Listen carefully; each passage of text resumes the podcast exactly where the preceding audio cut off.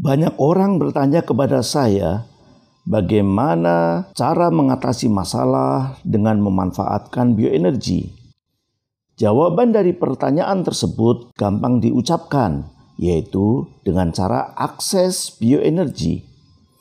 Akses bioenergi merupakan istilah yang dipakai oleh praktisi atau alumni bioenergi pada saat berniat dan sedang memanfaatkan bioenergi dalam aktivitas dan keperluan apa pun, termasuk saat memanfaatkan bioenergi untuk mengatasi masalah hidup yang sedang terjadi, atau saat ingin mewujudkan setiap harapannya agar lebih cepat terwujud.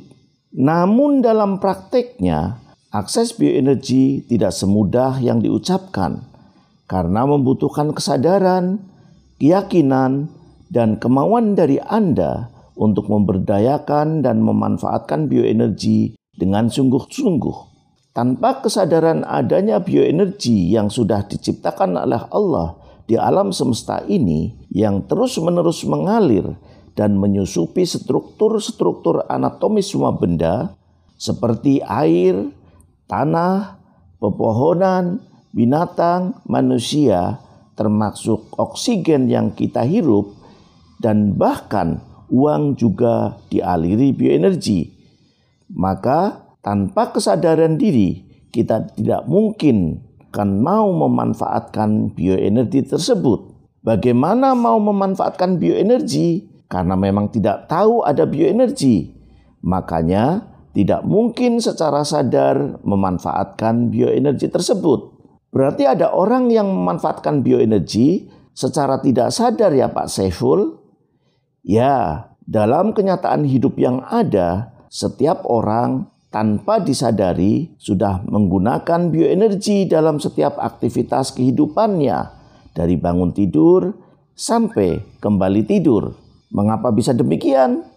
Ya, karena memang bioenergi sudah diciptakan oleh Allah dan akan terus bekerja mengikuti isi hati Anda, arah pikiran Anda, kebiasaan, dan tindakan-tindakan Anda. Artinya, saat isi hati Anda dipenuhi oleh kebahagiaan, ketenangan, kedamaian, maka bioenergi secara otomatis akan mengalir dan terhubung dengan kebaikan-kebaikan yang saudara harapkan. Tetapi saat hati Anda diisi dengan rasa khawatir, cemas, marah, kebencian, dan sejenisnya, maka secara otomatis energi mengalir kepada situasi dan kondisi yang buruk dan tidak menyenangkan bagi Anda. Tidak peduli Anda tahu atau tidak tahu adanya bioenergi. Tidak peduli Anda percaya atau tidak percaya. Tidak peduli anda memanfaatkan atau tidak memanfaatkan, maka dengan kecerdasannya bioenergi akan tetap mengalir dan bekerja mengikuti isi hati, arah pikiran, dan tindakan Anda. Jika isi hati bersih, pikiran atau harapan jelas dan baik, tindakannya baik dan benar, maka bioenergi secara otomatis akan membantu Anda mewujudkan kebaikan-kebaikan yang Anda harapkan. Demikian juga sebaliknya. Proses alamiah itulah yang dalam ilmu bioenergi disebut dengan hukum bioelektromagnetik.